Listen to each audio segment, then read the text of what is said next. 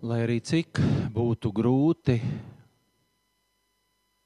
domājot par to, kas ir ap mums, un varbūt pat bieži vien mūsos, mums tomēr ir jādzied līdzi šai dziesmai, kas nu pat tika atskaņota, spēlēta. Ak, lielais Dievs! Cik tu esi liels, cik tu esi brīnišķīgs! Un kā jau minēju, daudz kas no tā, kas notiek ap mums, mums ir nesaprotams. Jo mēs nezinām, kāds visam tam ir iznākums. Mums ir dažādas domas, dažādas nojausmas, bet vai tās ir pareizas? Bet šajā brīdī, kad mēs esam nākuši šeit kopā, šeit, mūsu draudzes pulcēšanās vietā, nolieksim galvas sākumu lūkšanai. Kungs, Dievs, tu patiešām esi liels, varens, visu apredzīgs, mūžīgs Dievs. Tu, kas esi ar savu gudro padomu veidojis šo žēlastības plānu pasaulē, kurā kaut kādā ļoti mazā daļiņā arī mēs varam iesaistīties. Tevs, mēs tevi slavējam par to. Tevs, mēs pateicamies par šo žēlastības rītu, par šo žēlastības dienu un nu jau par pēcpusdienu. Tevs, tu mūs esi sargājis no dažādām vietām, šurp kopā savedis. Kungs, tev pateicība, tev slava par dienascho maizi, par apģērbu, arī šeit par šo pulcēšanās vietu, kurai ir jumts pārvilkts pāri, ka mēs varam šeit nosacīti netraucēti būt. Jā, kaut arī ārpusē ir kāds troksnis, varbūt pat brīžam kāda steiga, mēs varam šeit tavā priekšā noliekties un gaidīt uz tavu klātbūtni. Kungs nāca ar savu svēto garu. Aizskar katru vienu, kas esam šeit, un arī tos, kas savā mājvietās atrodas, ka patiešām kāds stiprinājums, uzmundrinājums no tava vārda, par kuru šodien domāsim, ienāk mūsos, ik katrā. Kungs, nepalaid mūs tukšā, aiziet no šīm telpām. Kungs, tev pieder visa vara, un mēs tev uzticamies. Kaut arī esam nespēcīgi un reizēm atzīstam mazticīgi, mēs sevi noliekam tavā priekšā, uzticoties tavai vadībai. Kungs, esi ar mums! To mēs lūdzam mūsu kungu un glābēja Kristus vārdā. Āmen! Pie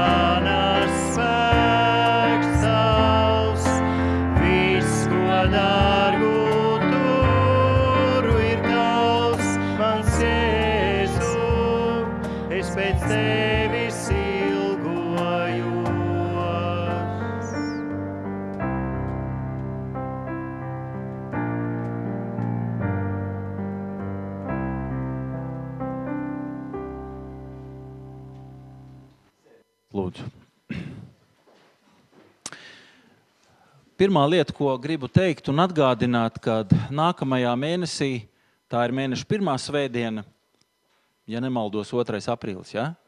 3. aprīlis, lūk, kā. ar to pulksteņu grozīšanu viss iet uz priekšu, uz atpakaļ nevar saprast. 3. aprīlis tātad dievkalpojums šeit, šajās pašās telpās, pulkstenis 16. 4. pēcpusdienā, kur kā viesis ir aicināts mācītājs Māris Kirsons. Esat katrs vien, kam tāda iespēja laipni aicināti būt šeit, kuplināt, apmeklēt. Un nezinu, kā tas tiks veidots. Varbūt arī pēc šī dievkalpojuma varēsiet uzdot kādus jautājumus mācītājiem Kirsonam. Šajā brīdī būs Bībeles lasījums, bet es aicinu tādā, gribētu teikt, ebrejiskā tradīcijā. Tad, kad atina vaļā raksturuļus, neviens kājās necēlās visi sēdēja, jo tas būs garš lasījums. Lasīsim no Pravieša iesaistas grāmatas 28. nodaļu. Pravieša iesaistas grāmata 28. nodaļa. Šai nodaļai virsraksts ir spriedums par patvaļīgiem valdniekiem, priesteriem un praviešiem. Bēdas Efraima dzērāju lepnajiem valdnieku vainagam un vīstošajam puķu vainagam, vīna apreibināto galvā, treknā ielā. Tam kungam jau ir kāds pie rokas, stiprs un varens, kā krusas negaiss, kā graujoša vētra un kā briesmīga lietus gāze ar ūdens straumēm. Viņš tos nogāzīs pie zemes Zem kājām samīs Efraima dzērāju lepno vainagu, un viņas krāšņā rota, kas grezno auglīgās ielas virsotnes, būs kā vīstoša puķe, kā agrīna vīģe ražas ievākšanas priekšlaikā. Līdz ko to kāds ierauga, tūdaļ viņš to ņem un apēd. Tanī laikā tas kungs Cēbots būs savas tautas atlikušajiem par skaistu vainagu un par krāšņu pieres rotu. Viņš iedvesīs taisnības garu tiem, kas sēž tiesas amatos, un stiprumu tiem, kas no vārtiem atsit ienaidnieku uzbrukumu. Bet arī viņi grīļojas, vīna piedzēruši un stipra dzēriena apdullināti priesteri un pravieši, kas vīna un stipra dzēriena apreibināti, kaut ko muld, praviedodami un tiesu spriedami. Patiesi, visi galdauti ir apspļauti un pilni netīrumu. Kam tad tāds spēks iedvest, kam kādu atziņu, kam mācīs saprašanu, taču ne tikko kā no piena atradinātiem, no mātes krūtes atšķirtiem bērniem. Jo tur tiek teikts, dari tu to, un tu atkal to. Rīkojies vienreiz tā, otrreiz atkal tā. Šeit padrusciņai, tur padrusciņai. Tiešām ar ļaužu starpniecību, kam pilnas lūpas un kas šļupst ar svešādu mēli, viņš runās uz šo tautu. Viņš, kas tiem sacīs, šeit ir dusmas vieta, dodiet atdusu piekusušajiem, šeit ir miera vieta, bet tie to negribēja dzirdēt. Tādēļ atskanēs uz tiem šis vārds, tā kunga vārds. Dari tu to, tu atkal to, rīkojies šoreiz tā, citreiz atkal tā šeit padrusciņai, tur padrusciņai, lai viņi ietu un pakristu augšpēdu, tiktu satriekti vai sapītos un kristu gūstā. Tādēļ klausieties tā kunga vārdu, zobotāji un plāpātāji, jūs, kas valdāt par šo tautu Jeruzalemē, jo jūs taču sacījāt, mēs slēdzām derību ar nāvi un līgumu ar elli kad pāri mums nāks plūdu briesmas ar savām bangām, tad mūs, tās mūs neskars. Meli taču ir mūsu patvērums, un viltus ir mūsu apseks. Tādēļ saka Dievs tas kungs: Redzi, es lieku ciānā pamatakmeni, izraudzītu akmeni, dārgu stūra akmeni, kas klintī līdzīgi pamatots, kas tic, nepaliks kaunā. Es padarīšu tiesu par mērauklu un taisnību par atsvaru.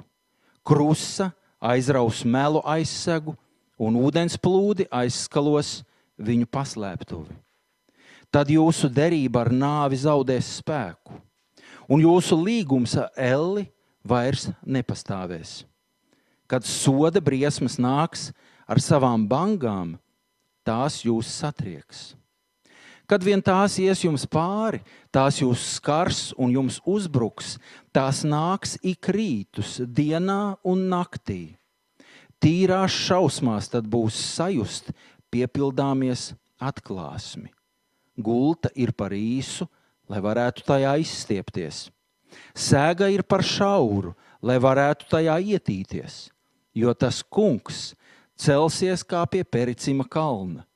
Viņš iedegsies un trīcēs dusmās, kā Gibeona ielā, lai izpildītu savu nodomu, savu neparasto nodomu, lai padarītu savu darbu, savu savādo darbu.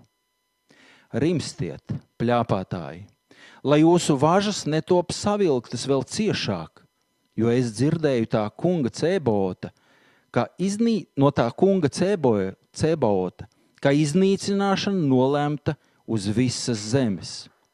Esiet modri un klausieties manu balsi. Uzklausiet un ņemiet vērā, ko es saku. Vai tad zemkopis vienmēr ar savu tīrumu, sē, ar savu tīrumu sēšanai to vienmēr vago un necē? Vai nav tā? Kad arumi ir nolīdzināti, viņš taču kaisa dilles un dēstīja ķimenes un sēja kviešus rindās un miežus norādītā vietā un gar malām vēl ko citu. Tā viņam Dievs ir ierādījis, ka tas tā ir pareizi, un viņu pamācījis. Dilles taču nekuļ ar kuļamo veltni, nedz ķimenes ar kuļamo ratu, bet dilles kuļ ar spriguli un ķemenes, ķimenes izsit ar kulstīklu.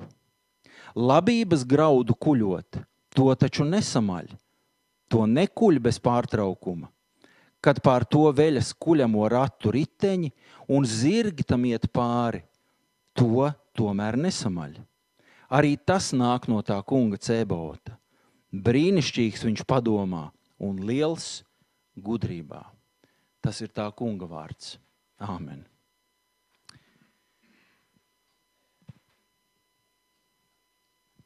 Kāds ir šis laiks?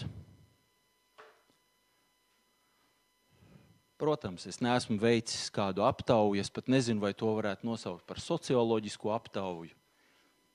Bet kāda mums katram ir sajūta? It īpaši, kad kādos brīžos mēs ieslēdzam radio, ieslēdzam varbūt televīziju, varbūt satiekamies ar saviem darba kolēģiem, skolā ar saviem kursabiedriem, klases biedriem. Kādas ir mūsu sajūtas? cik esmu dzirdējis, grūti atkal procentuāli to sadalīt, bet ir nedrošības sajūta un tajā pat laikā pretpols, pretpozīcija, bravūras pilna sajūta. Bet kā tu jūties? Tu, kas sevi uzskati par dievu bērnu. Kā tu jūties? Jā, tie ir 600, apmēram 650 gadus pirms Kristus dzimšanas, kad pravietis Jesaja no Dieva saņem šo sludinājumu, šo pasludinājumu, šo pravietojumu par jūdu tautu, par Izraēlu tautu. Jā, šeit īpaši tiek akcentēts izredzētās tautas centrs, Jeruzaleme, tiek akcentēts, es gribētu teikt, garīdzniecības pārstāvniecība, ko tā dara. Ja mēs skatāmies jaunajā derībā, tad tur mēs varam atrast šo raksturvietu, ka mēs katrs esam kā priesteris. Mums katram ir kaut kāda lielāka vai mazāka kalpošana. Arī, arī pašam priekš sevis tā ir kalpošana. Ja mēs lūdzam, ja mēs lasām Dieva vārdu, ja ir tāda iespēja, kādreiz arī varbūt pat klusībā uzdziedam, dungojam, tā ir kalpošana. Un ne jau dungojam un dziedam kādas estrādes dziesmas. Jā, bet šo, ko dzirdējām, kā pirmo, kā, kā tādu ievada dziesmu, lielais dievs. Varbūt man žēlastība dāvāta, varbūt vēl kādas citas. Tā ir kalpošana. Tā ir sava veida pateicība Dievam. Ko tev šāda kalpošana dod? Šad un tad, klausoties arī mūsu mācītāju, dzirdot, viņš ir pieminējis vārdu reliģiozitāte. Vai tava kalpošana, tava lūkšana, Bībeles lasījuma, dievvvārdu lasījuma, vai tas ir tāds ieradums, reliģioz, reliģiozitāte, vai tā ir patiesa ticība, ka tu to gribi? Mums iznāk diezgan agri celties ikdienā. Un es savā ziņā, nu, es ir bijušas reizes, kad latviešu runājot, es nolažoju. Uh, ikrīt Bībeles lasījumu, gan dienas pantu, gan kādus garākus lasījumus ar pārdomām. Bet, ja godīgi jāatzīstās, tas tā diezgan reti ir gadījies. Un tad man vienmēr tā, tāds smaids parādās, jo es esmu iestādījis, ka man šis Bībeles lasījums jau atnāk, viņam vajadzētu atnākt trijos, četros no rīta. Bet ļoti bieži ir tā, ka es jau zinu, ka viņš nav atnācis, un es vienkārši veru vaļā to, kas man ir jāver vaļā. Jo galvā ir kaut kas iekšā, un, un es zinu, kas man jāturpina lasīt. Un tad liekas, pat arī šajā lietā ir kaut kādas kļūdas. Un liekas, tā kā pravietis saka, pravieši un priesteri ir piedzērušies. Viņiem nav vairs skaidra saprāšana. Jā, domājot par šo tādu interneta vidi, šķiet, nu, ja es tur tādu opciju ieklikšķinu, ka man tikos vajadzētu atsūtīt, nu taču vajadzētu atsūtīt. Bet arī tur ir kaut kāda maldīšanās, arī tur ir kaut kādas kļūdas. Cik daudz mēs varam paļauties uz to, kas ap mums ikdienā ir? Es bieži vien pie sevis esmu domājis, un arī kādiem cilvēkiem to teicis. Ir divi, uz ko es varu paļauties. Un viens no tiem ir simtprocentīgi, un tas ir Dievs otrs esmu es pats, bet tur jau var sākties 50 uz 50. Vai šobrīd tas, kas notiek pasaulē, tevī raisa mieru? Es domāju, ka nē. Bet kā tu tiec tam pāri?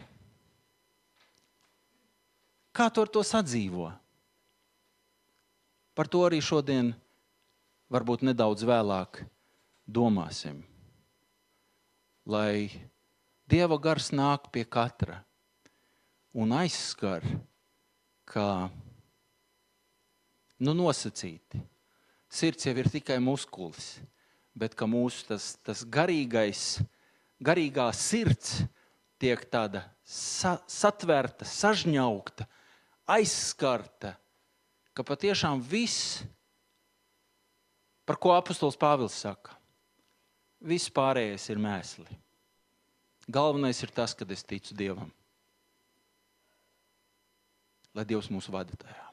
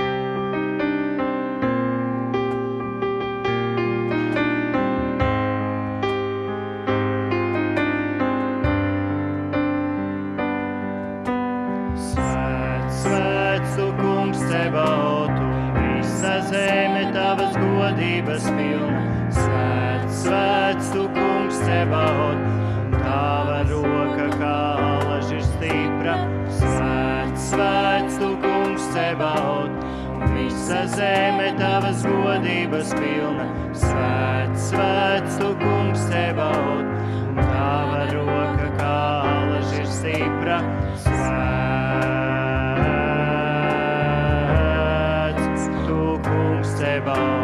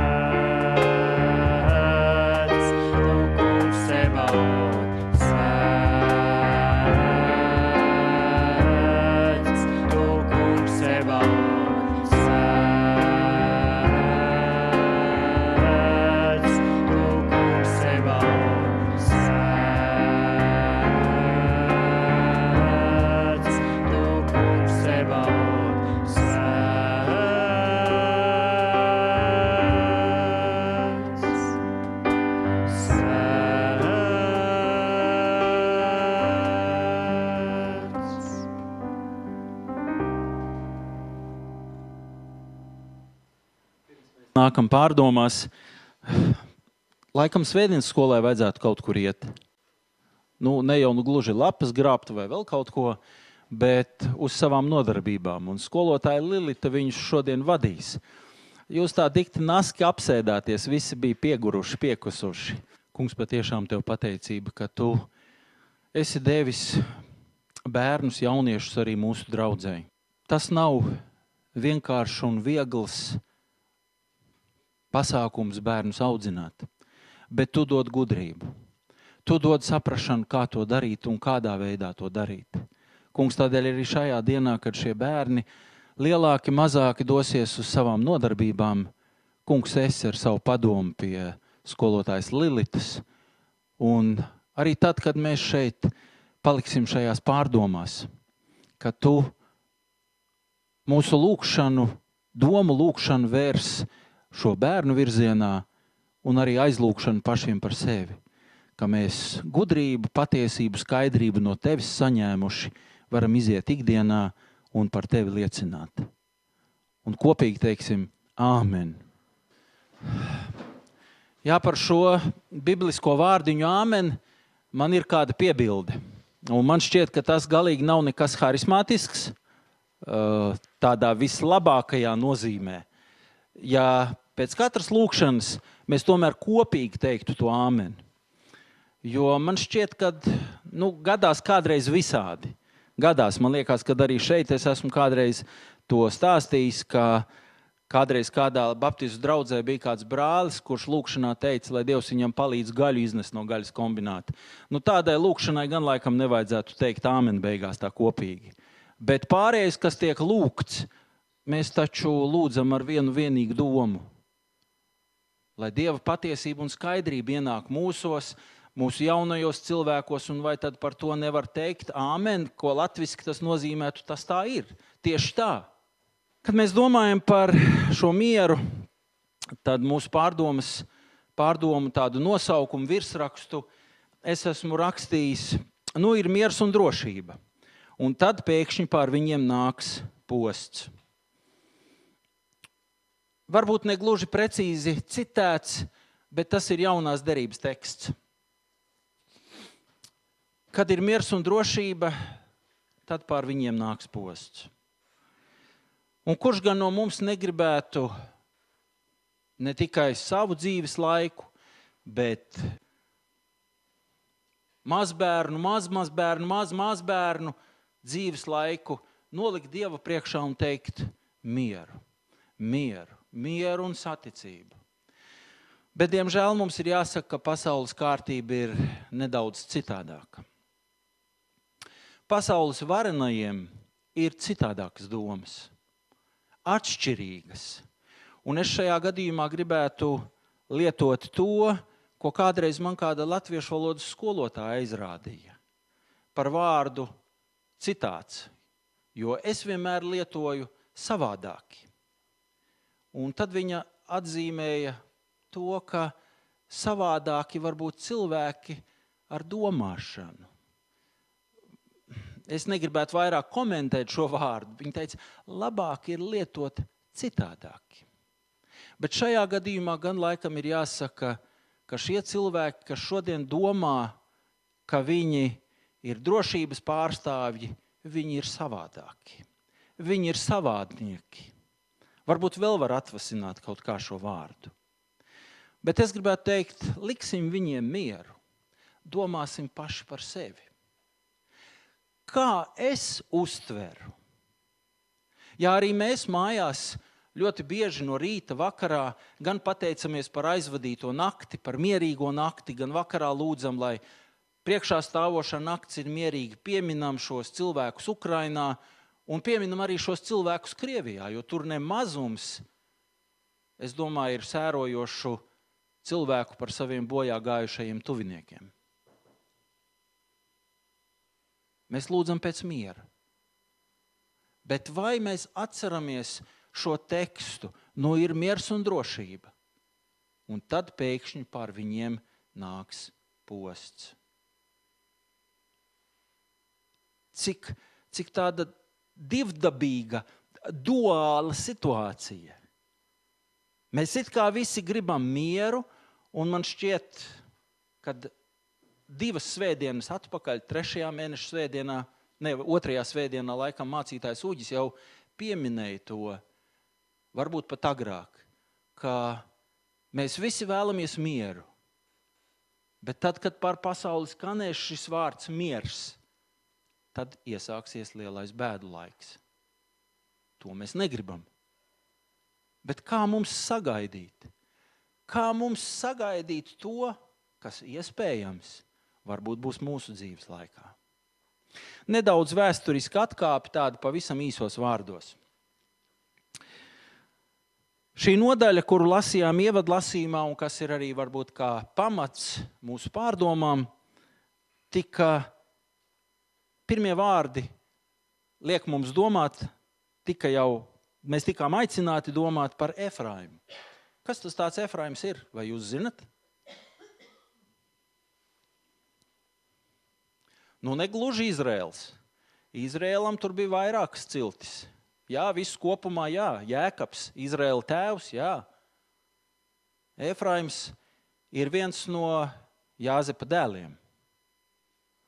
Jāzepam bija divi dēli - Efraims un Manase. Jāzeps nesaņēma nekādu mantojuma daļu no sava tēva. Nu, nosacīta nesaņēma. Tad, kad Izraels Jēkabs aicināja dēlus uz svētīšanu, tad Jāzeps ieradās ar saviem dēliem, ar Efraimu un Manasi. Un šie Jēkaba Izraēla mazdēli saņēma svētību. Viņu gan sauc par Jāzepa cilti, bet parasti izdala Efraima puscilts un Manases puscilts. Mēs varam noprast pēc tālākā, kas notiek šajā nodaļā, Efraims ir galīgi nomaldījies.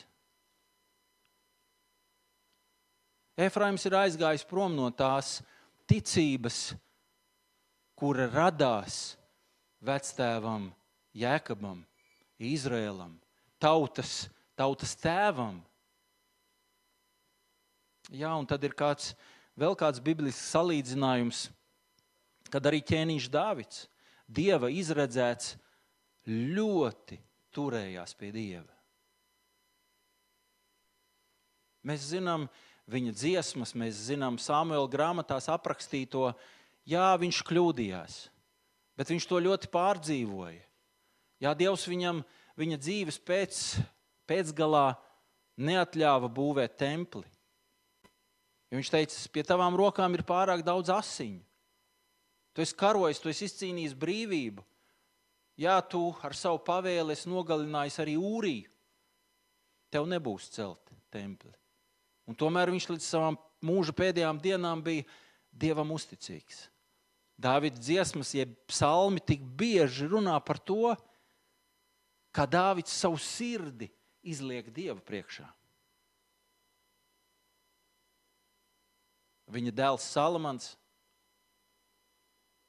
Gan drīz tā kā šeit, pravietis Iesai raksta. Mazliet to dari, mazliet to dari, mazliet vēl kaut ko. Nu tā, pusi uz pusi. Ķēniņa Salamana noslēgums, gribās teikt, nu, laikam tāds diezgan žēlīgs.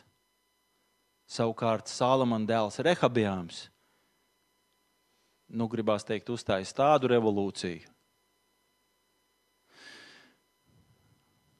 kad viss tas, ko Jēkabs Izraels ar savu ticību, varētu teikt, bija panācis, tas viss aiziet postā šīs desmit ciltis atdalās. Paliek rehabējāms ar divām ciltīm, notiek tautas šķelšanās. Tauta pagrimst, degradējās.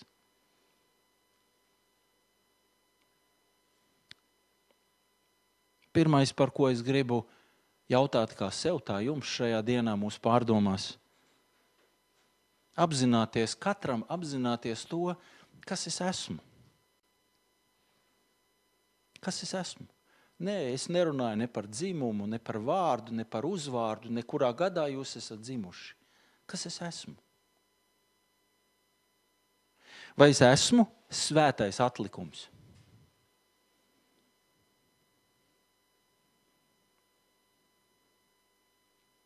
Pravietis Iesai 28. nodaļas 5. pantā raksta šādus vārdus. Tajā laikā tas kungs Cēbods būs savas tautas atlikušajiem par skaistu vainagu. Jaunajā derībā mēs varam lasīt šos vārdus, kurus es minēju. Svētais atlikums. Kas es esmu? Pāvila vēstule romiešiem 11. nodaļa, 1 līdz 6. pants. Pēc visa tā es jautāju vai Dievs savu tautu ir atstūmis? Nepavisam nē. Jo arī es esmu izrēlietis, Ābrahāma dzimuma, Benjamīna cilts. Dievs nav atstūmis savu tautu, ko viņš jau iepriekš bija izredzējis. Jeb vai jūs nezināt, kas rakstīts par Eliju, kā viņš apsūdz Izraēlu dievam?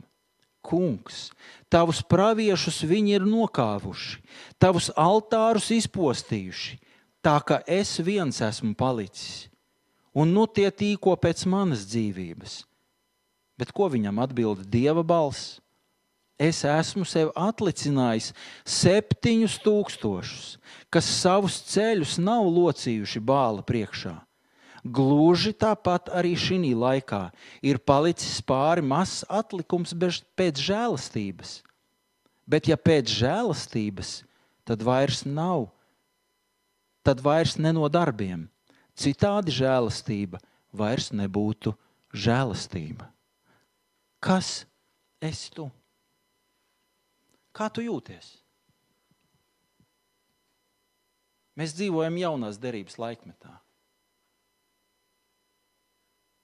Vai tu jūties, ka Dievs tevi ir atstūmis? Vai vienalga, kur tu ej, ko tu domā, ko tu dari, tev ir miers. Gan drīz ir gads pagājis no kādas telefona sarunas, kas bija diezgan spraiga. Es nemāku pateikt, mēs par to neesam ģimenē runājuši. Zvanīja man, sieva bija tajā pašā telpā. Bet pēc šīs sarunas, kad tika atslēgta šī saruna, tad viņa teica, kā tu vari būt tik mierīgs? Kas tevī mājo? Tevī ir šis miers, ka tu vari visu to, kas tev apkārt un pat varbūt reizēm iekšā vārās, ka tu to vari savākt. Un teikt tos vienkāršos vārdus, tas nav manā pārziņā. Jā, tas kaut kur manī notiek, tas ap mani notiek, bet es to nevaru kontrolēt, es to nevaru iespaidot. Es visu varu tikai atdot Dievam. Dievs vada. Dievs dod mieru. Es domāju, mīļie, par šodienas situāciju, par mūsu sabiedrību. Un kādreiz, kad Latvijas Baptistu draugu savienībā biskupa vietnieks bija Pēters Eisāns, tad viņš kādās mācītāju un draugu tikšanās reizēs ļoti bieži atgādināja: Mīļie klātesošie, izslēdzat telefonu. Arī tad, ja jums prezidents zvanītu, kad jūs zinat, kad jums zvanītu prezidents, izslēdzat. Vai mēs šodien to varam ievērot? Mums bieži vien dievkalpojuma laikā ir jāsūta izziņas. Mums bieži vien iezvanās telefons un mums ir jāatbild. It īpaši tad, ja vēl puskurla stāsts 80 gados dievkalpojuma laikā velk to no somas ārā, kurš jau 10 minūtes ir zvanījis, skaļi zvanījis, un tad, nē, nē, es esmu dievkalpojumā, tagad netraucē mani. Ko lai mācītājs dara?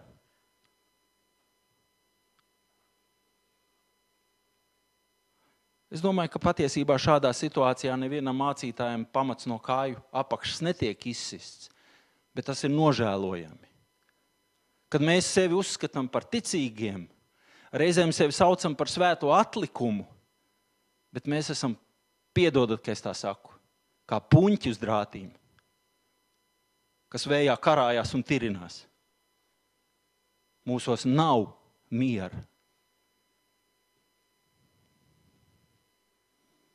Jūs domājat, ka man nav bijušas tādas situācijas, ka sirds pa muti kā pārā.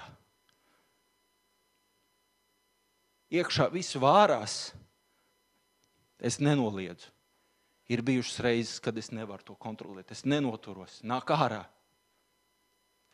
Bet vispārējā situācija ir graujoša. Kādu mieru mēs pasaulē varam nest? Par kādu mieru ir runa? Man ir ļoti interesants darba kolēģis. Viņš ir vaidzirdīgs, bet mēs ar viņu ļoti labi stā, nu, saprotamies. Un varbūt kādreiz jau jūs esat dzirdējuši, ka nevienmēr ir tā, ka manos darba apstākļos man ir nu, darbs tā, ka pāri pa galvu, un es zinu, ko es darīšu rīt, ko es darīšu nākamajā nedēļā, un aiznākamajā nedēļā, un nākamajā gadā. Un tad šis kolēģis vienmēr, oh, tev ir darbs. Es saku, nu, tur redzi, nu, te, cik ir tās maršrutu kartes, to izpildīšu, nu, apmēram pēc tik ilga laika es beigšu. Beidz trijos nestrādā līdz pieciem, beidz trijos, citādi ko mēs rīt darīsim? Es strādāju tā, kā man ir jāstrādā. Nāku nākamajā dienā, un ir atkal darbs, ko darīt. Bieži vien šis vīrs saka, brauc mājās. Es teicu, saproti, ko man izmaksā tā braukšana. Es saku, tu ej mājās, tu dzīvo tukumā. Ej mājās, kāpēc man jābrauc mājās? miers. Miers arī darba apstākļos. Un patiešām šo laiku, šos gadus, kurus esmu jau strādājis šajā uzņēmumā, Jā, piekdiena bija varbūt tāda diena, kad es sievai sūtīju ziņu. Zini, darbs nav. Nu, drusciņi ķircinot. Laikam iešu ar kājām uz mājām, jo viņa bija uz darbu ar mašīnu aizbraukusi. Viņa, viņa raksta man, tu traksēs, liecies mierā, zvani manam tēvam, lai viņš brauc tev pakaļ vai izdomā kaut ko citu. Vēlāk vakarā, kad mēs satikāmies, viņa jautā, nu kā? Es saku, nē, paldies Dievam. Darbs bija visu pilnu dienu, strādāju tā kā mazais rūtītis, galvu nepacēlis. Tā ir mūsu ikdiena. Bet vai tad ikdiena patiesībā neaizņem lielāko mūsu mūža daļu? Saskarsme ar cilvēkiem, tur darba kolektīvā, skolā. Nu, tad ir šis jautājums, kas es esmu par svēto atlikumu, ja manī nav miers? Ja es varbūt reizēm sāku dziedāt līdzi tiem, kas dzied šādi, kā mans darba kolēģis. Nav, nav, oh, ko darīsim, kā darīsim.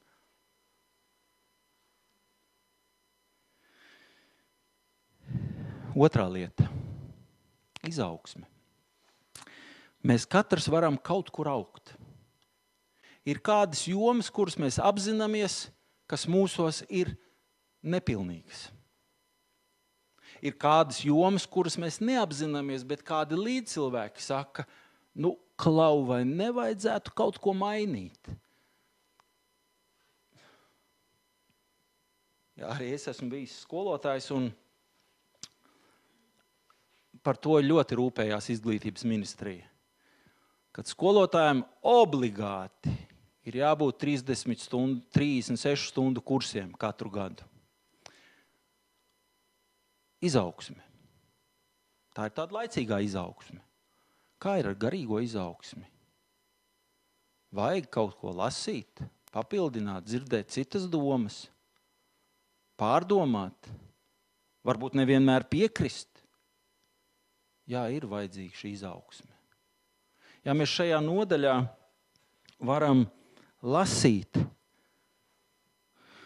9. pantā, kam tad tāds spēks iedvest atziņu? Nu, Dievam. Jo mēs vairāk par to domāsim, jo lielāka būs atziņa.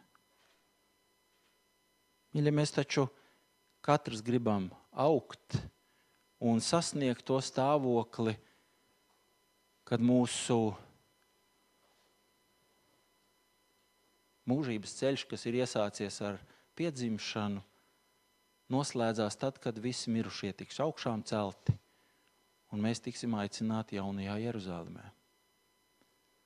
Jā, varbūt tas tā mazliet absurdi skan, bet kā esmu teicis, un jūs to esat dzirdējuši, nu, ja ne vairāk, tad kā sētnieks gar Jeruzalemes mūriem. Nu, dzirdēt tur tās svēto dziesmas un redzēt, kā tempļa kalnā templis mirdz un, un pats Kristus kā saule.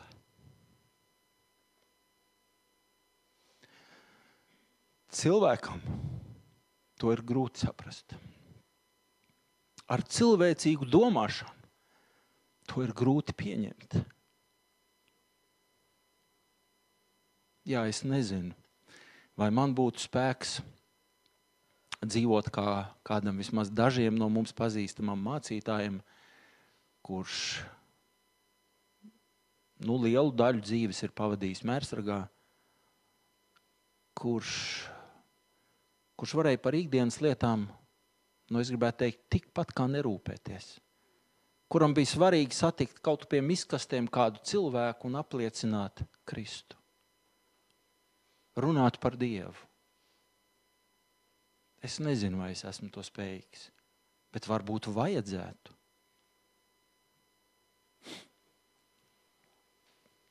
Turpat pravieša. Iesais grāmatā vēlos no 28. nodaļas, kā atgādinājumu, lasīt šo jau daļēji nolasīto tekstu no 5. līdz 12. pantam. Tanī laikā tas kungs Cēbols būs savas tautas atlikušajiem par skaistu vainagu. Nu, es gribētu šī skaistā vainaga vietā varbūt ielikt šos vārdus par izaugsmes avotu un par krāšņu pieres rotu Viņš iedvesīs taisnības garu tiem, kas sēž tiesas amatos. un stiprumu tiem, kas no vārtiem atsit ienaidnieku uzbrukumu. Bet arī viņi grīļojas. Arī viņiem nav skaidra šī saprāšana. Mēs tālāk varam lasīt, viņi ir vīna piedzēruši, stipra dzērienu apdullināti. Es nedomāju, ka mēs pirms Bībeles lasījuma parasti kādu glāzi vīna iedzeram, lai tad tiktu apdullināti kaut nedaudz. Protams, tas nav tādā izpratnē domāts. Jā, Iesai raksta par realitāti. Tāda ir realitāte. Bet es par mums domāju, par jaunās derības laikmeta cilvēkiem. Es ļoti šaubos, nu varbūt ir kādi indivīdi. Priesteri un pravieši, kas vīna un stipra dzērienu apreibināti. Šodien var būt kāds. Es atceros, kādā dievkalpojumā kalpojām kopā ar Lutheriskās baznīcas mācītāju un bija svētais vakarēdienas, tas bija 31. decembris. Un viņš ieraugot mani publikā, teica, Klaubrāli, nāc kalpot, nāc palīgā kalpot. Un, kad draudzene bija beigusi baudīt svēto vakarēdienu, tad viņš teica, nu, tas, kas tur ir tajā biķerī palicis, tas mums uz abiem jāizdala. To nedrīkst tā nest atpakaļ uz sakristēju. Bet, nu, varētu teikt, tas bija dievkalpojuma noslēgumā kad vārds tika pasludināts, kad lūkšanas tika vadītas. Nu, mēs katrs to varam uztvert atšķirīgi. Bet ne jau tik daudz par to ir runa kā par šo stipro dzērienu lietošanu. Vairāk ir par izpratni. Par izpratni, kāda ir mana izpratne. Un lūk, tur tālāk ir rakstīti šādi vārdi, ka viņi mūld šie pravieši, priesteri, pravietotami un tiesu spriedami. Patiesi visi galdauti ir apspļauti un pilni netīruma. Kas varētu būt šie galdauti? Un atkal es gribu teikt, pravietis Iesai runā droši vien tiešā izpratnē, tiešā nozīmē, ko vēlāk arī apustulis Pāvils vēstulē korintiešiem nedaudz aizķer tiem, kam ir, tie atnāk uz mīlestību, tie pieēdās, piedzerās, un tiem, kam nav, tiem neēdušiem ir jāpieņem tā kunga mīlestības. Ar tukšu vēderu, vēders rūts, un viņi vairs nespēja domāt par to, ka tas ir tā kunga piemiņas mīlestības. Jo viņi to maizīti ņem un varbūt vīnu dzer, tāpēc, ka viņiem ir bats. Jā, par šīm attiecībām. Par šīm attiecībām, kā tas ir pasaules varenie lemj manu un tavu dzīvi. Un mēs tur neko nevaram darīt, jo tā tas ir iekārtots. Un visbiežāk es pieminu to, ko Samuēls jautā Dievam. Tauta prasa ķēniņu, un Dievs atbild. Nu, tad, tad paziņo viņiem, kas viņiem būs. Ja viņiem es kā ķēniņš, kā vadītājs vairs neesmu vajadzīgs, tad paziņo. Saki, ka jaunekļiem, vīriešiem būs jāiet karot ķēniņa vārdā. Ķēniņš sēdēs savā pilī, kasīs nabu, bet viņi karos. Tāpat kā šobrīd kāds ķēniņš sēž kaut kur kasa nabu, izdomā idiotiskas lietas, un citi noliek savas galvas viņu vietā. Saki tām sievietēm, jaunajām meitenēm, kas būs jādara, būs jāiet ķēniņa pilī, jākalpo, jātīra, jāmazgā veļa.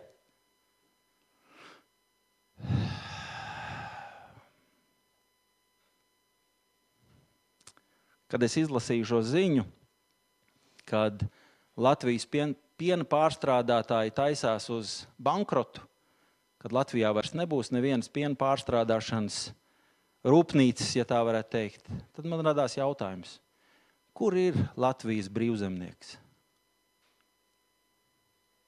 Nauda. Ka tik nauda, ka tik vairāk naudas, ka tik lētāk kaut ko iepirkt un dārgāk pārdot. Visa izaugsme. Nē, mīļie.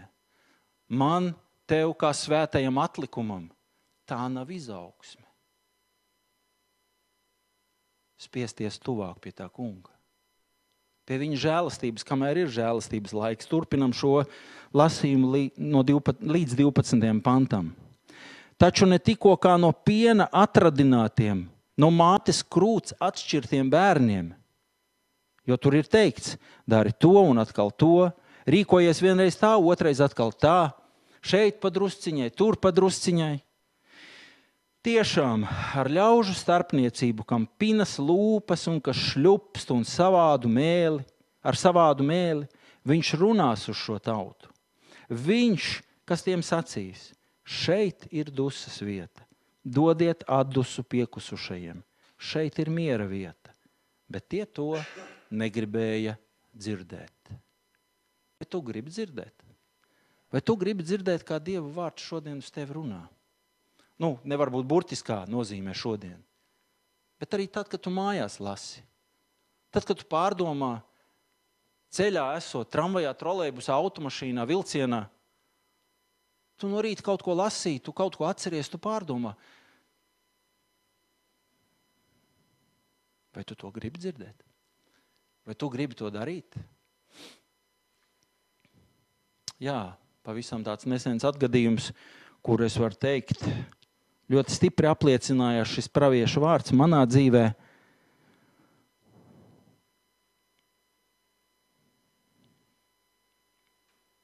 Nu, var teikt par visiem bērniem, kad visi septiņi bērni ir pieauguši, dažiem lielākam vairumam jau ir savas ģimenes un ir mazbērni. Es nekad neesmu centies nu, tā ļoti viņiem uzbāzties ar savu vecāku mīlestību. Jā, kādreiz esmu piezvanījis, apjautājies, kādreiz esmu uzrakstījis, apsveicis vārdu dienās, dzimšanas dienās. Viņiem ir sava dzīve.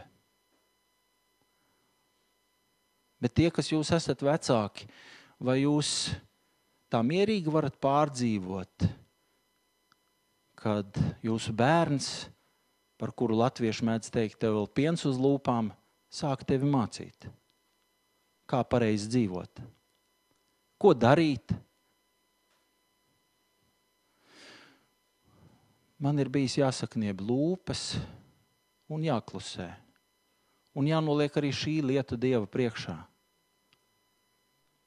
Un lūkšanā bieži vien es esmu teicis, Dievs, tu zini. Vienīgais tu to vari atrisināt.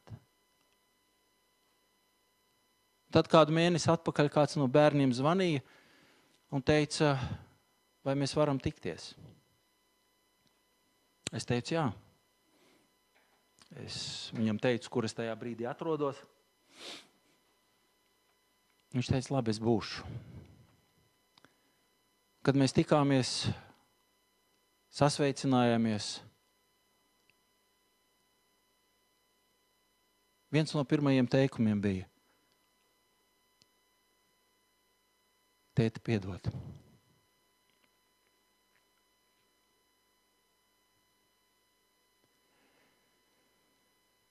Es neesmu tev pienākošos cieņu parādījis.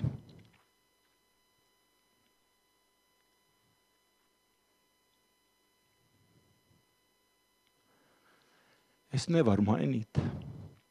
Es nevaru mainīt viņu uzskatus. Es nevaru mainīt viņu dzīves iekārtu, kā viņi to ir iedomājušies. Bet Dievs to var.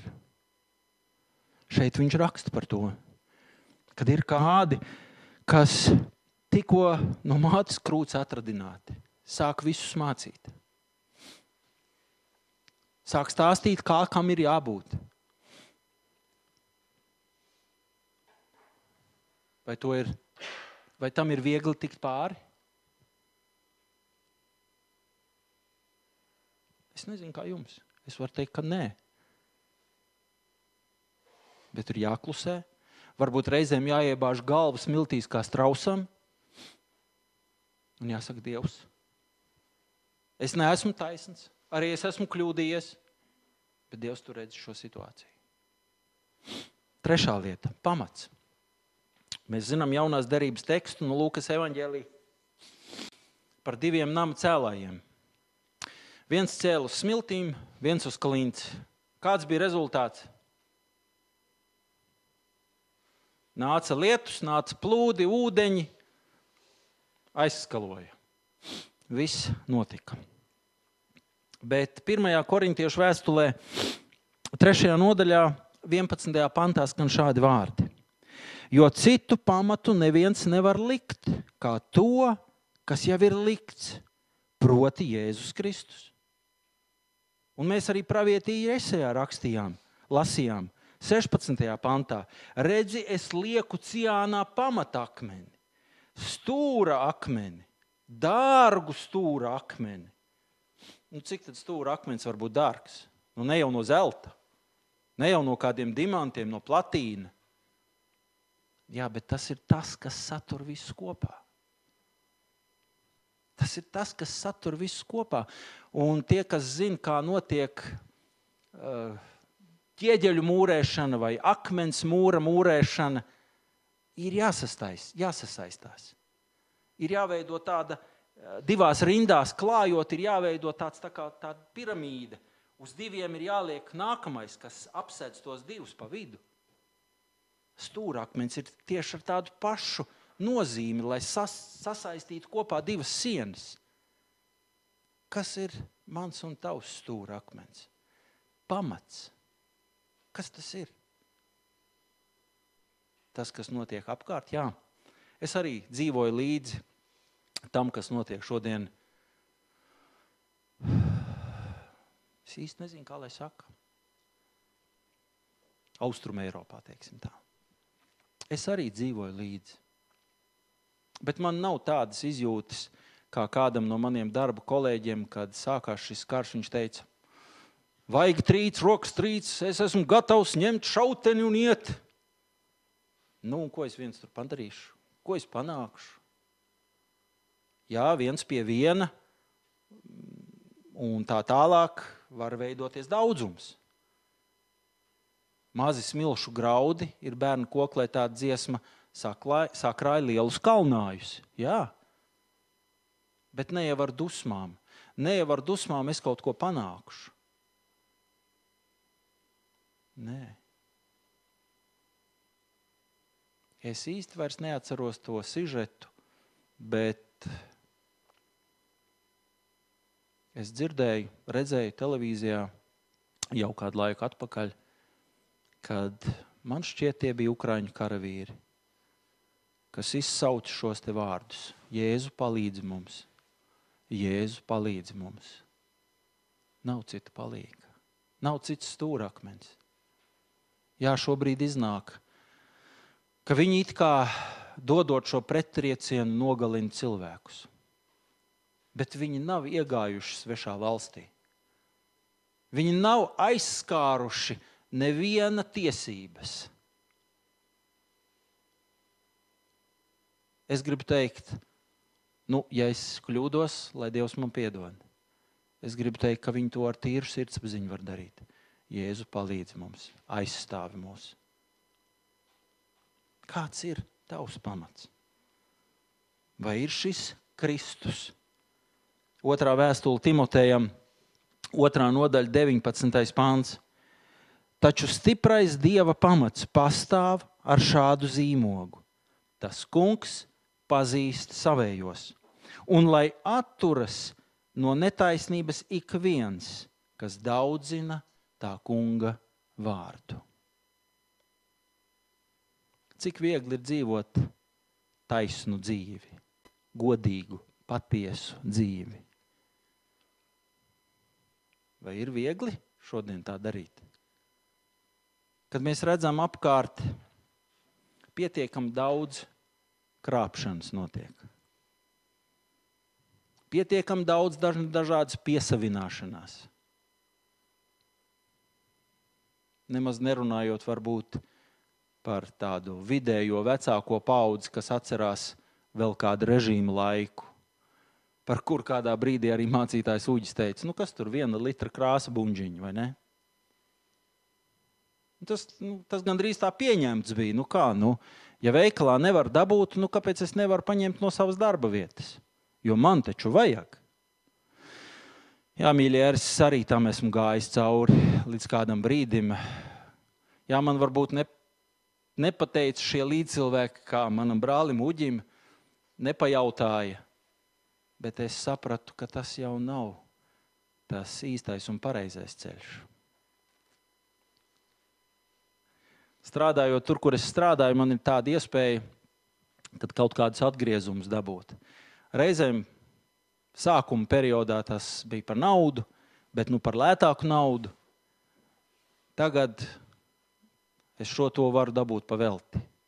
Un nevis tā, ielikt kabatā vai iekrāmēt automašīnā vai salikt automašīnas piekabē un iebraukt rūpnīcā, izbraukt no rūpnīcas. Nē, es eju pie rūpnīcas direktora. Un tad kādi kolēģi man ir teikuši, nu, bet, nu, nu, kā tu, nu, nu, kā, nu, tu te izbeidz? Es saku, bet vai tad jums mēlē nav mutē? Jūs nevarat aiziet pie direktora. Jūs nezināt, kur viņa kabinets es aizvedīšu, es parādīšu. Nu, jā, bet nu kā, nu kā es tā? Nu, vienkārši ej un pajautā, un ja nē, tad nē, nu, tad nē. Nu. Taisnība. Taisnība un patiesība ir pamats. Mēs nekad, vienalga individuāli, kā draudzene, kā valsts, mēs nekad neiegūsim vislabvēlīgākos apstākļus, ja taisnība nebūs mūsu pamats. Ceturtā lieta, ko gribu šodien pieminēt, un varbūt kā tādu jautājumu likt arī jums pārdomāt. Un es esmu šo ceturto savu pārdomu punktu nosaucis, ir laiks. Ko vēl gaidīt? Ko vēl gaidīt, ja es apzinos, ka es esmu svētais atlikums, ja es tiecos uz izaugsmi, ja es esmu skaidri pārliecināts par savu pamatu? Ir laiks. Ko vēl gaidīt?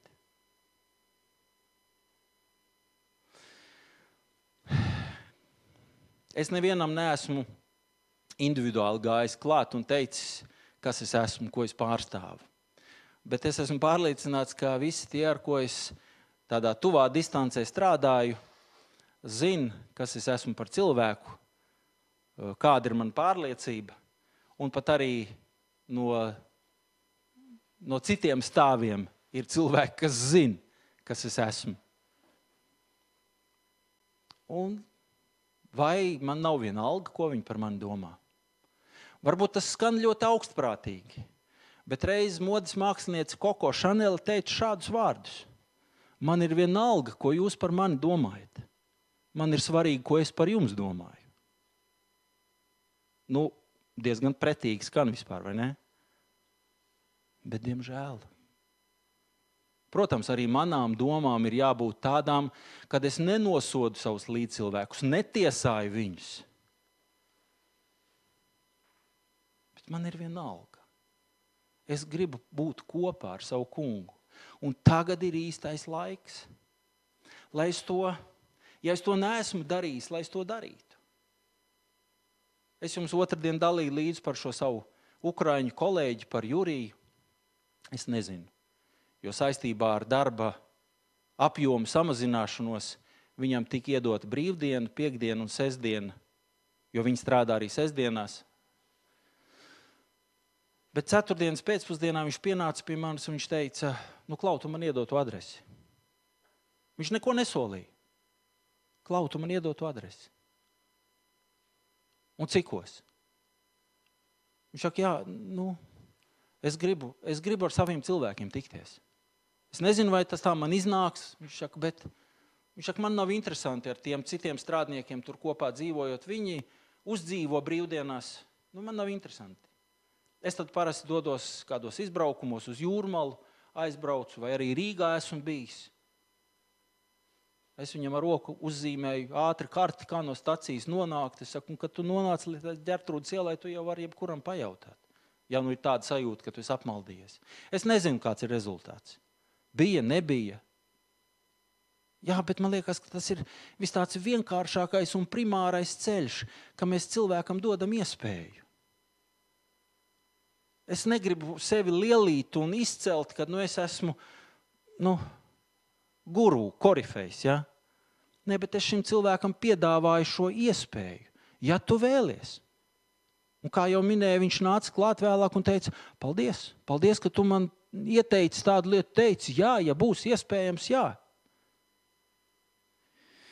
Ir laiks. Mēs nezinām, cik ir laiks. Mēs šajā naktī, nu, droši vien, ka mēs nebijām neviens tik dūls un trijos necēlāmies, pulksteni negrozījām. To mēs izdarījām jau varbūt vakar vakarā, vai zinot, ka dievkalpojums ir pulkstenis 16. mēs mierīgi gulējām un no rīta, kad cēlāmies, tad arī grozījām, kas bija jāgroza. Bet mēs nezinām, cik tas laiks ir liels. Kāds sprīdis, kāds nogrieznis mums ir dots? Mēs nezinām. Tagad ir laiks.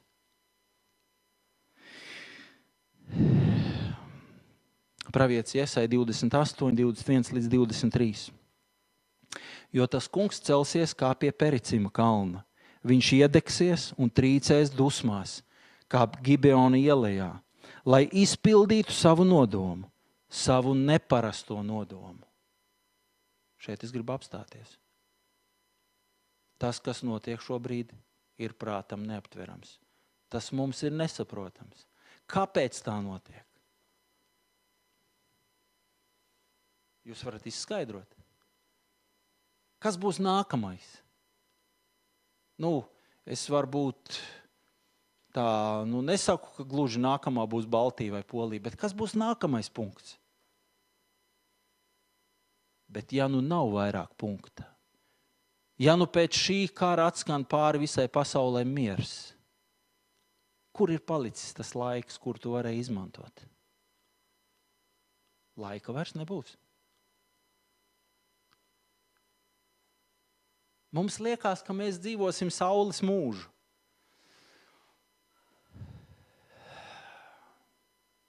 Tā nebūs. Katra jauna diena ir žēlastības diena. Miers un drošība. Pēc miera un drošības, kā es sākumā teicu, lasīju, nāks posts.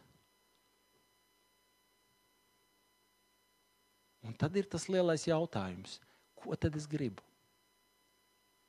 Varbūt, kad, varbūt, kad man savā lūkšanā nemaz nevajag lūgt pēc miera. Varbūt man vairāk un cītīgāk, spēcīgāk ir jālūdz pēc dieva nodoma piepildīšanās. Visos laikos ir bijuši kari. Mēs redzam arī tad, kad Izraēla tauta izgāja no Eģiptes. Jā, Dievs viņus ļoti sargāja, vadīja. Eģiptieši tika noslīcināti, bet viņiem šo ceļu ejot, bija pietiekami daudz naidīgu tautu, kas viņiem uzbruka. Un ne visi dzīvi turpināja ceļu. Bija kādi, kurus šie uzbrucēji nogalināja. Dieva nodoms, kuru mēs neizprotam. Savāds dieva nodoms, pravietis saka, neparasts, bet lai padarītu savu darbu. Vai Ukrāņi ir vairāk grēkojuši nekā latvieši, nekā kirgīzi, nekā moldāvi, nekā vācieši, nekā poļi? Jaunā derībā ir stāsts. Zilās tornis uzgāzās kādiem cilvēkiem, un tie bija pagalam. Un cilvēki jautāja, nu kā, kā tā var notikt, kāpēc tā notika? Un Kristus uzdod šo retorisko jautājumu. Kā jūs domājat? vai tie, kuri aizgāja bojā, bija vairāk grēkojuši nekā kādi citi? Neparastais dieva nodoms. Neparastais dieva nodoms. Jā, mums visiem gribās mieru. Mums gribās mieru mājā, valstī, pasaulē. Bet vai tāds ir dieva nodoms? Jā, Ukraiņa cieš. Un, kad paskatās šos kadrus, tur patiešām reizēm liekas, tur tuksnesis ir. Nu, atsevišķās vietās, ne visur. Tur putekļi iet pa gaisu. Varbūt Ukrāņu tautai jāatgriežas pie Dieva. Daudz spēcīgāk. Bet varbūt mums, tiem pārējiem, kas vērojam visu to no malas, ir laiks atgriezties. Vēl ir laiks.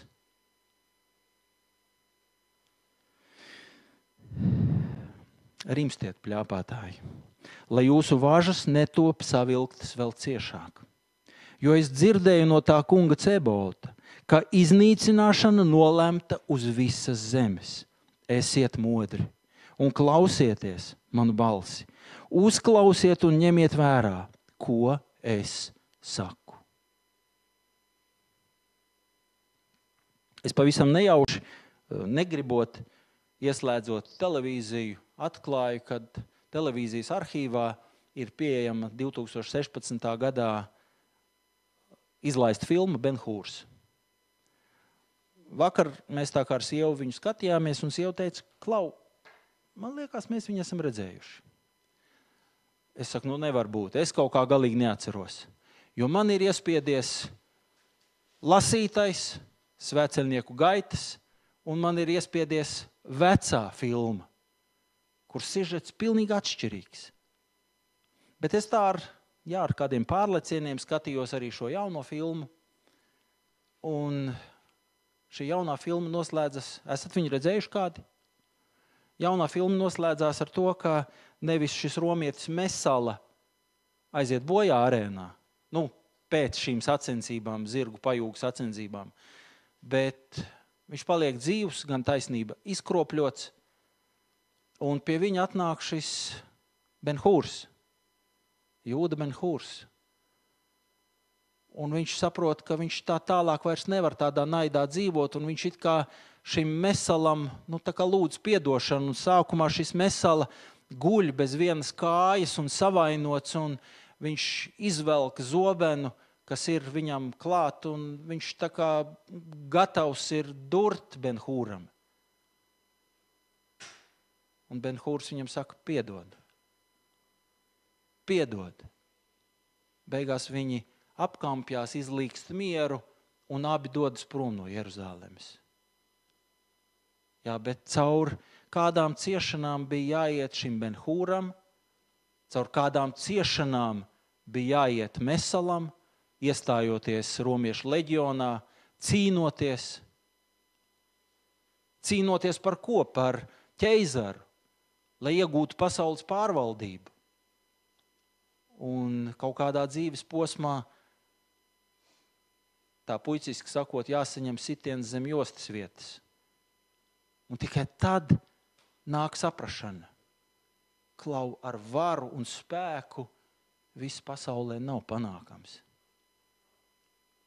Ir Dieva nodoms, kas ir pāri visam. Šeit Iesai saka, nāks, ir nolemta iznīcināšana. Mēs varam teikt, jā, tas ir par kādu zināmu Izraēla posmu vēsturē. Varbūt jau tas ir arī par Jeruzalemes iznīcināšanu 70. gadā mūsu ērā. Bet, zinot, šis vārds runā arī šodien. Tādēļ viņš ir iekļauts svēto rakstu krājumā, kur mēs saucam par Bībeli. Mums ir jābūt gataviem, kad šis runā arī par šodienu. Jo tur skan tālāk šie vārdi: esiet modri un klausieties manu balsi.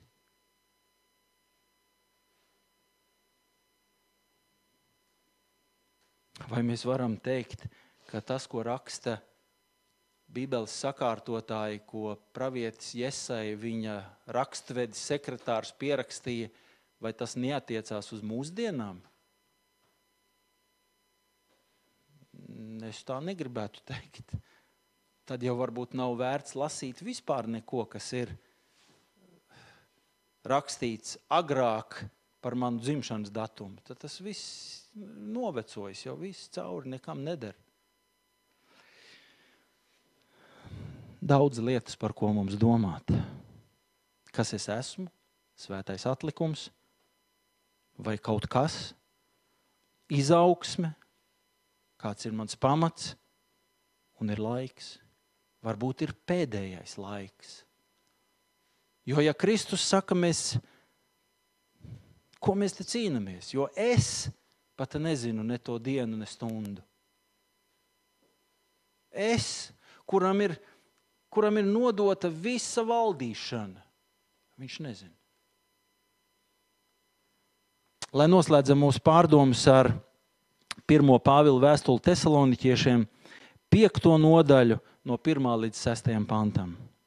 Bet par laiku un stundu, brāļi, man jums nav jāraksta, jo jūs paši labi zināt, kā tā kunga diena nāk tāpat kā zaglis naktī.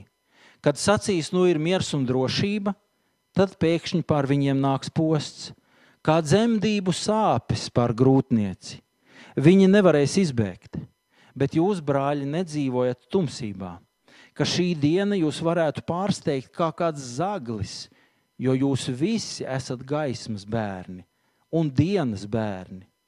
Mēs nepiederam ne naktī, ne tumsai. Tāpēc negulēsim kā pārējie, bet būsim nomodā un skaidrā prātā. Un te vēl es gribu piebilst kādu komentāru, kur arī sākoties šim karam, kāds no darba kolēģiem teica, kad es viņam uz viņa jautājumu atbildēju, nu jā, bet šie cilvēki ir tik ilgus gadus dzīvojuši kaut kādā pilnīgi nepareizā ideoloģijas gaismā, gaisotnē.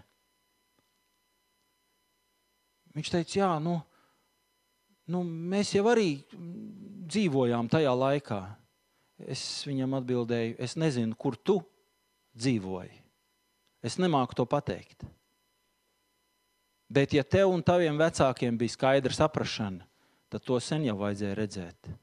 Un es viņam minēju šo piemēru, kur mana vecā mamma, tēva mamma, vēl kā bērns piedzīvoja to, ka tur, Baškīrijā, Krievijā, Viņi piecas reizes tika apkolakoti. Un tikko kā uzbūvēja atkal kaut kādu mazu stallīti, šķūnīti, kur pašiem dzīvot, lopiem dzīvot, tā bija klāta. Krievu karaspēks izlika. Ejiet, kur gribat. Jā, šeit par to ir runa. Pāvils saka, mēs nepiederam tumsai. Mēs esam gaismas bērni. Nedzīvojiet tumsā, domājiet, lūdzat Dievu, lai jūs saprastu, kas, kur un kā notiek. Negulēsim kā pārējie. Nu, tas nenozīmē, ka mums nav jāiet gulēt vakarā. Jūs to ļoti labi saprotat. Negulēsim. Vai šis cilvēks, kas visu to ir uzsācis, ir sliktāks par tiem, kas vada šo valsti? Nezinu. Dieva vārds saka, mums ir jālūdz par valdībām un varām arī lai Dievs viņiem dod gudrību, saprāšanu, redzīgumu.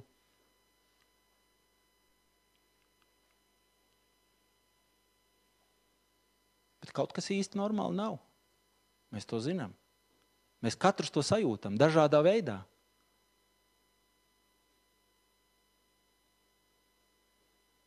Smieklīgi no vienas puses ir tas, par ko mēs viens un otrs esam iesmējušies. Par šo pandēmiju, par slimību, kas bija, bet nu ir aizgājusi. No 1. aprīļa vispār viņa vairs nebūs. Kaut gan cilvēks slimo un slimos, un ilgi vēl slimos. Bet mums tiek stāstīts, ka nav. Vai tā ir patiesība? Nezinu. Vai mēs kādreiz patiesību uzzināsim? Nezinu. Vai mēs patiesību uzzināsim par politiku, par kariem? Nezinu. Bet vienu es zinu ka tas, kas ir rakstīts Bībelē, tā ir patiesība. Un ja šeit ir rakstīts, ka ja es ticu, tad es tikšu izglābts, un man ir šis pamats, tad man ir laiks. Man ir laiks darīt. Laiks darīt. Un ne bez dieva, bet ar dievu palīdzību. Āmen.